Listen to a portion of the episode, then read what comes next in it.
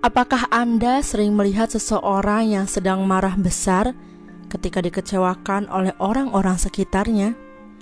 Atau pernahkah Anda melakukan emosional secara mendak-mendak ketika ada sesuatu hal yang membuat emosi Anda terpancing?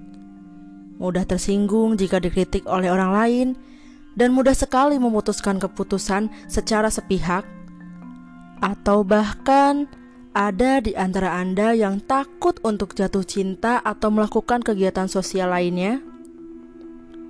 Semua itu merupakan kegiatan akibat dari rekaman yang terserap yang diperoleh dari masa kecil kita, atau sering kita sebut dengan inner child. Semua orang memiliki inner child. Lalu, apa sih itu inner child? Nah, sebelum topik itu dilanjut, izinkan saya memperkenalkan diri bersama rekan saya, saya Jalsabila Putri Filja dan rekan saya bernama Ica. Halo Ica. Halo, halo guys semuanya. Nah, dalam tayangan ini, ini merupakan podcast perdana Himapot kami yang akan kupas tuntas topik kita mengenai apa itu inner child dan bagaimana cara mengatasinya. Untuk itu, stay tune sampai akhir ya teman-teman. See you. Nah, teman-teman, jadi inner child itu adalah sebuah konsep yang menggambarkan sikap dan sikap kekanak-kanakan, sorry, sifat ya, yang mungkin dimiliki oleh setiap orang. Inner child terbentuk dari pengalaman kita saat masih anak-anak. Jadi kayak tadi aku bilang ya, rekaman-rekaman yang kita dapatkan dari apa yang kita lihat ketika kita masih berada di mm, masa-masa kecil. Inner child bisa digambarkan sebagai bagian dari diri kita yang tidak ikut tumbuh dewasa dan tetap menjadi anak-anak. Artinya, bagian ini terus menetap dan bersembunyi di dalam diri kita. Bagian ini menggenggam erat setiap ingatan dan emosi yang pernah kita alami saat masih kecil, baik yang indah maupun yang buruk. Nah, biasanya penyebabnya itu tuh apa sih?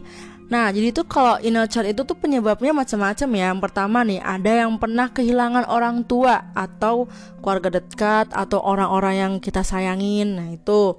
Kedua, pernah ngalamin nih kekerasan fisik, emosional atau seksual. Ini biasanya ke lari ke pelecehan ya. Yang ketiga, merasa diabaikan secara emosional menjatuh yang selanjutnya itu ada menjadi korban perundungan atau bullying aduh ini parah banget sih terus yang kelima nih mengalami perpecahan dan kekerasan dalam keluarga dan yang terakhir terpisahkan dari keluarga nah terus apa sih ciri-cirinya inner child yang ada di dalam diri kita apa kita tuh punya dua kepribadian ya? Hmm, coba deh langsung aja ya aku jelasin. Jadi ciri-cirinya itu yang pertama merasa ada yang salah dengan diri kita sendiri. Jadi kita tuh kayak ngerasa kayak kok aku selalu salah ya? Kok apa yang aku lakuin tuh selalu nggak pernah bener ya di mata orang? Nah itu yang kedua selalu berusaha menyenangkan semua orang atau biasa dikenal dengan people pleaser. Suka denger nggak tuh? Jadi kayak aku berusaha ngebahagiain kamu tapi aku nggak bisa ngebahagiain diri sendiri. Sama aja kayak badut buat diri sendiri bener gak sih kayak aku lucu buat kamu tapi buat aku enggak. Nah itu Terus yang ketiga, sering kali merasa cemas jika dihadapkan dengan sesuatu yang baru. Padahal belum kita coba nih, tapi kita kayak ngerasa, aduh aduh uh, banyak pokoknya pikiran-pikiran negatif gitu loh. Terus yang keempat, rasa bersalah jika memberikan batasan atas diri sendiri kepada orang lain. Padahal mengatakan say no itu tuh penting banget, tapi ya karena kita udah terbiasa sama keadaan untuk gue harus bisa uh, ngelakuin apa pun demi orang lain jadi ketika gue butuh kata enggak gue tuh kayak malah kok gue jahat banget ya sama orang lain nah itu Terus selalu berusaha untuk menjadi yang terdepan. Ini sih yang sering dialamin orang-orang yang ngalamin hal kayak gini ya. Terus terutama aku juga pernah sih ngalamin kayak gini. Terus selalu mengkritik diri sendiri. Nah, itu itu sering banget terjadi di kalangan kita ya. Lalu ada lagi nih, sering merasa malu dan sulit saat menunjukkan perasaan. Hmm, benar sih. Ada lagi nih, sering menaruh curiga kepada orang lain yang padahal belum tentu orang lain itu melakukan kejahatan kepada kita. Lalu yang selanjutnya berusaha menghindari konflik bagaimanapun caranya. Padahal kan kalau ada konflik ya kita selesaikan, tapi karena kita punya inner child yang nggak bisa kita atasin yang belum kita atasin akhirnya ya kita malah lari gitu dari permasalahan kayak gitu. Nah terakhir nih takut ditinggalkan. Padahal ya yang terpenting itu diri kita sendiri gitu loh. Kita nggak boleh bersangkut paut sama orang lain nggak boleh bersandar sama orang lain gitu kan. Nah itu ciri-cirinya. Nah aku mau bincang-bincang nih sama Kaica kira-kira Kaica punya pengalaman apa nih yang berkaitan dengan inner child? Mungkin apakah Kaica ngerasain apa yang tadi aku ceritain tentang ciri-cirinya gitu deh. Coba mangga Kaica Oke, semua orang itu pasti pernah ya ngalamin inner child terutama aku gitu. Hmm, biasanya ini ya. Di masa-masa kecil itu kayak aku tuh ngerasa aku kok gini banget gitu. Kayak ngerasa iya ya Allah aku udah bikin salah gitu. Kayak ya Allah gitu. Pokoknya ngerasa diri aku tuh kayak bikin salah aja gitu. Padahal orang anggapnya ya udah biasa kita masih anak kecil gitu kan. Tapi makin lama makin lama itu tuh kayak ke bawah gitu semakin semakin dewasa gue semakin takut gitu kan akan hal-hal yang bikin gue bisa salah aja gitu ngelakuin hal-hal yang lain gitu nah uh, dari ciri-ciri tadi ada nggak salah satu yang nyangkut di Kaica? Misalnya jat, takut jatuh cinta deh atau apa gitu? Oke, okay, nah ini menarik sih. Oke, okay, gue gue pernah gitu ngalamin di mana gue bener-bener jatuh cinta sama seseorang. Tentu kalian juga pernah pasti ngalamin kan. Oke, okay, jadi uh, karena emang kalau jatuh cinta tuh karena ya Allah berbunga-bunga gitu kan yeah. hati gitu sampai di mana kita tuh bener-bener takut gitu kehilangan mereka gitu atau dia si dia gitu kan yeah. tapi aku tuh kayak makin ke sini kayak ya udah gue gue cinta sama dia nih jodoh gue nih gitu hmm. kan. Tapi ternyata dia tuh malah ya gimana selingkuhin gue gitu kan. Jadi dari sana dimulai itu inner child gue. Jadi kayak gue bakal takut jatuh cinta sama orang lain gitu. Bahkan buat buka hati gue buat orang lain atau orang baru itu kayak susah gitu nah itu sih yang pasti sakit banget ya apalagi ketika kita udah percaya sama orang ketika orang itu udah kita anggap sebagai tempat kedua setelah orang tua mungkin papa deh gitu. Apalagi perempuan nih kayak gue gitu kan. Perempuan yang punya cinta pertama itu ya seorang ayah. Ternyata pas gue cinta lagi sama orang lain eh orang lainnya malah kayak gitu. Itu yang bikin sakit banget. Nah atau enggak ada hal lain nggak selain ini? Misalkan gini deh. Pernah nggak sih kak Ica ngerasa takut banget ngelakuin hal sesuatu yang baru yang padahal orang lain tuh semua bisa? Sebetulnya gue juga bisa gitu bagi Kak Ica tapi kenapa? Kok gue nggak bisa bisa ya? Kok gue takut ya mulainya? Pernah nggak ngalamin hal kayak gitu?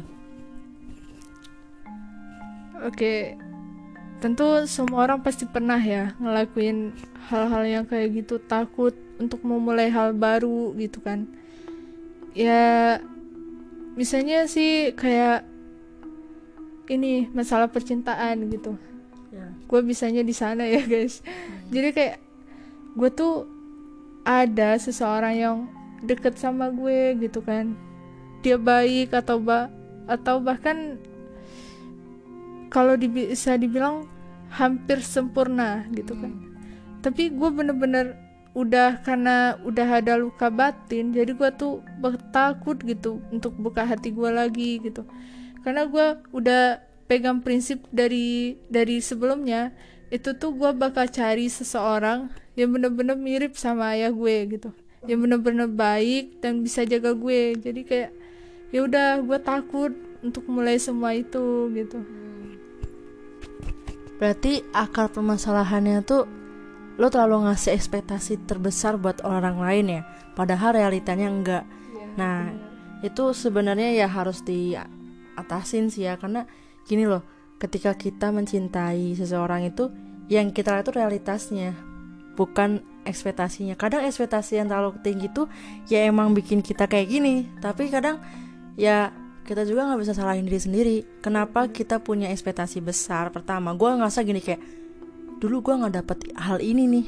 Gue harap di lu gue dapet nih. Dulu gue nggak dapet kasih sayang nih misalkan. Gue harap lu bisa gantiin kasih sayang yang udah nggak pernah gue dapetin sebelumnya nih. Dan ternyata jong. Nah itu yang salahnya. Benar nggak kalau kata aku? Bener banget sih. Cuma itu karena udah ada luka batin itu jadi kayak susah ngatasinya gimana sih biar keluar dari zona yang kayak gini gitu nah kalau udah kayak gitu biasanya Kak Ica nih ngatasinnya kayak gimana? Apakah kalau aku pribadi ya, kalau aku ngatasin kayak gini, aku lebih self healing dengan cara mencintai diri aku dulu gitu. Walaupun tuh susah banget. Gimana sih caranya mencintai diri sendiri tuh? Pertama gini aku bakal belajar gimana caranya bilang enggak ketika aku emang benar-benar gak mampu. Karena ini susah banget bagi orang-orang yang people pleaser banget gitu. Kalau kayak Ca sendiri gimana tuh cara ngatasinnya? Kalau sampai sekarang buat ngatasin itu belum ada ya. Karena sampai sampai sekarang aku tuh masih bingung gitu cara ngatasinya justru uh, makin ke sini itu aku lebih kayak nyibukin diri sama temen-temen gitu. Lebih banyak aktivitas yang bisa bikin gue lupa akan hal itu gitu kan. Kayak ya hibur-hiburan sama temen gitu. Tapi di saat gue sendiri itu mau tidur atau mau ngapain aja ya itu bakal keinget lagi gitu. Jadi kayak gue nggak bisa sendirian karena itu bakal muncul di di otak gue lagi gitu. Jadi ah, seakan-akan itu kayak mimpi buruk lagi bikin gue buat gue gitu kan. Jadi gue harus bisa nyebukin diri sama hal-hal yang berbau bahagia gitu bisa bikin gue happy jadi bisa bikin gue lupa akan hal itu. Jadi kalau untuk apa untuk mengatasi masalah ini gue belum bisa. Mungkin dengan cara ya seneng-seneng gitu doang. Oke gitu ya. Terus kalau kayak gini terus lu kapan bahagianya cak ini pertanyaan se sepele yang pernah gue kasih lontarin sama seseorang. Ketika gue kayak gini gini gini terus ada orang yang bilang terus kalau kayak gini lu kapan bahagianya Bill justru ini pertanyaan sulit bagi gue. Karena ya gue ngerasa mungkin orang ngelihatnya gue tuh bahagia terus gitu. Banyak-banyak ketawa gitu bahagia hura-hura sama teman-teman gitu. Tapi di sisi lain di balik itu semua gue nutupin kesedihan gue yang lebih dalam gitu. Jadi kayak ya udah gue bahagia bisa sama temen gitu. Jadi lo badut buat temen lo tapi lo joker buat diri lo sendiri. Gitu kak. Ya ya mungkin bisa dibilang kayak gitu sih. Oke ini hari ini walaupun simple tapi berkesan banget ya tapi aku dapat masukan sini dari uh, organisasi Save Your Mental jadi uh, cara ngatasin inner childnya itu ternyata ada beberapa step gitu Ya ini buat belajar kita semua sih ya, hanya buat Kak Ica sama gua di sini. Yang pertama itu temukan dan salurkan emosi. Nah, kalau gua oh ya, BTW gue juga termasuk orang yang fokusnya ke ini ya guys, ke mental health gitu. Mental mental health ya. Jadi gue pernah tuh berobat ke psikolog terus di situ dia bilang temukan dan salurkan emosi percis banget omongannya kayak gini jadi tuh kayak ketika lu lagi terpuruk nih lu rasain lu lagi sakit di mana nih atau enggak gini ketika lu lagi di jalan lu keinget uh, satu hal tempat terus lu sakit. Apa yang bikin lu sakit? Nah lu temuin dulu nih lu analisa kenapa ya kok bisa gua sakit banget di sini? Oh ternyata sebab ini yang bikin gua sakit nih. Nah biasanya kalau udah kayak gitu uh, yang sama ini kita tekan dan pendam itu ketika udah ditemuin itu bakal keluar gitu. Nanti kalau udah ketemukan, coba cari jalan keluarnya versi kamu jangan versi orang lain. Misalkan contoh gini kamu pernah diselingkuhin gitu. Makanya semua cowok kamu anggap sama gitu kan. Nah gimana nih cara ngatasinya? Kamu berdamai sama diri kamu ketika ada cowok yang tulus sama kamu datang kamu bilang sama diri kamu yang masih kecil nih yang di hati di hati kamu dia bilang uh, kamu bilang gini kayak misalkan gue ya Bill udah ya orang itu nggak nggak sejahat yang ketemu yang kemarin kok. Orang itu tuh malaikat yang mau ngobatin kamu nih. Terima ya gitu. Jadi karena Indonesia itu sama aja kayak anak kita yang padahal tuh diri kita sendiri gitu. Dibimbing ulang gitu jatuhnya gak sih? Nah terus yang kedua kenali kebutuhan kebutuhan kebutuhan kebutuhan batin yang belum terpenuhi. Misalnya saat mengakui bahwa dulu kita tidak mendapatkan kasih sayang yang cukup nih ini penting banget sih. Jadi kayak gini kenapa uh, oh ya guys biasanya Kak Ica nih suka lihat gua belanja tuh kayak kok Abil nih belanjanya yang aneh-aneh ya gini kayak kayak perabotan-perabotan yang lucu-lucu yang aneh-aneh gitu. Sebetulnya itu bukan gua hedon bukan gua boros bukan. Tapi itu adalah bentuk reward ke gua karena dulu gua nggak pernah dapetin hal kayak gitu. Contoh gini gua gak tau kenapa gua hari ini gua senang banget beli helm nih helm baru. Bogo lagi kan gue kayak senangnya bertubi-tubi kenapa? Karena ternyata dulu gue tuh setiap kali diminta mau beli helm walaupun sepele sih ya setiap kali gue minta helm ke orang tua gue orang tua gue bilang apa sih yang penting pakai helm apa aja juga pakai yang penting aman di jalan. Padahal itu kemauan dari kecil nggak pernah dibeliin helm yang beneran maksudnya baru ya. Pasti setiap kali gue beli helm pakai helm tuh pakai helm bekasan gitu. Pas sekarang gue bisa beli helm pakai uang gue sendiri itu kayak rasa kebayar banget utang yang utang-utang dulu yang nggak pernah gue rasain gitu yaitu gue belum pernah ngerasain punya helm sendiri dan itu pun baru itu hal hal sepele tapi itu bener-bener ngena banget. Terus yang ketiga belajar memperhatikan diri kita dengan melakukan self care self healing dan mengucapkan kalimat-kalimat positif. Tadi yang kata gue misalkan gini kayak ketika lu lagi insecure nih biasanya kan banyak ya perempuan-perempuan atau bahkan cowok-cowok juga ada sih yang insecure gitu ketika itu lu bilang kayak ya udah itu jalan dia gitu. Lu cantik versi lu gitu. Lu dandan ya buat diri lu sendiri jangan buat orang lain. Lu cantik ya buat diri lu aja nggak usah buat orang lain gitu. Nah atau nggak gini kalau misal gue paling benci nih sama orang yang kayak apa ya berusaha buat ngebahagiain orang lain tapi bagian buat kirian ngebahagiain di sini nggak bisa gitu. Makanya sekarang gue suka banget nih yang namanya kalau kak Ica lihat ya gue sering banget jalan-jalan sendiri hunting sendiri me time sendiri. Kenapa sih Bill lu kayak kayak nggak ada kerjaan. Itu bukan nggak ada kerjaan itu bentuk gue menghargai diri gue sendiri gitu. Dulu gue kalau misalnya lagi stres atau apa gue paksain buat bisa dengerin orang lain curhat. Nah itu. Tuh salahnya gue nah ini untuk pelajaran kita semua ya. Terus yang keempat, step yang paling penting adalah menerima diri sendiri. Kalau kamu selalu menyalahkan diri kamu sendiri, kayak ah lu bego lu ini nih, gak akan tuntas-tuntas. Kamu gak akan lihat celah kamu yang positifnya gitu loh, Cak. Dan untuk teman-teman juga ya. Nah, katanya dia bilang gini, luka yang tidak pernah dibicarakan adalah luka yang akan menetap selamanya.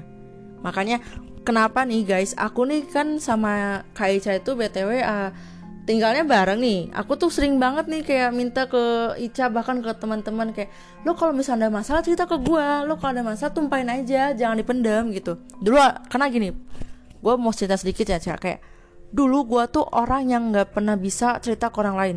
Ke publik nggak pernah berani. Gue mikirnya udah cukup gue yang tahu cukup Tuhan yang tahu gue kayak gini gini gini nih. Tapi lama-lama itu jadi kayak bom atom gue sendiri gitu cak. Bener gak sih? Lu pernah ngerasain kayak gitu? Iya kayak itu semua kayak jadi bumerang gitu. Tapi di sisi lain gue tuh belum bisa gitu. Nggak semua hal apa pun kita bisa cerita ke orang lain gitu kan.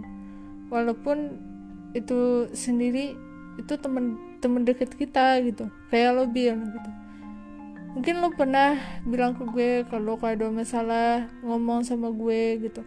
Tapi jujur gue sampai saat ini belum bisa ngomong sampai kebuka semuanya gitu. Kayak ya udah gue nggak bisa ngomong. Bukan bisa nggak bisa ngomong dalam artian apa ya guys. Kayak ya ini belum bisa gue buka sama orang lain gitu. Cukup gue dan Tuhan aja yang tahu gitu. Nah itu. Tapi ada juga benernya juga sih. Kita boleh keluarkan emosi kita tapi jangan sampai semuanya kita luluhkan ke orang keluar orang gitu. Karena gini ada dua hal ya. Yang pertama uh, itu bisa jadi bumerang lu sendiri ketika lu cerita ke orang yang belum tepat itu ya, nah yang kedua uh, apa ya itu kan tadi kan orang yang nggak tepat ya. Kalau yang kedua itu malah bisa bikin apa ya hal-hal negatif tuh datang ke lu gitu. Kalau lu bukain semua belum tentu orang mau dengerin lu gitu yang ada capek sendiri. Seenggaknya uh, kalau aku sendiri gini ya kalau aku sendiri misalkan mau ceritain tuh hal-hal yang menjengkelkan tapi nggak ke inti. Nah pokoknya gitu deh ya. Intinya ya kita juga harus bisa lihat-lihat juga. Cari teman yang menurut kamu tuh dia bisa mau nerima kita karena gini loh kita tuh terlalu sering belajar membaca sering mem diajarin bagaimana berbicara yang baik tapi kita lupa satu kita lupa untuk bagaimana bisa mendengarkan orang lain gitu. Benar nggak? Kita bisa berbicara tapi kita belum tentu bisa mendengarkan dengan baik. Nah itu kuncinya. Jadi hari ini uh, gila sih.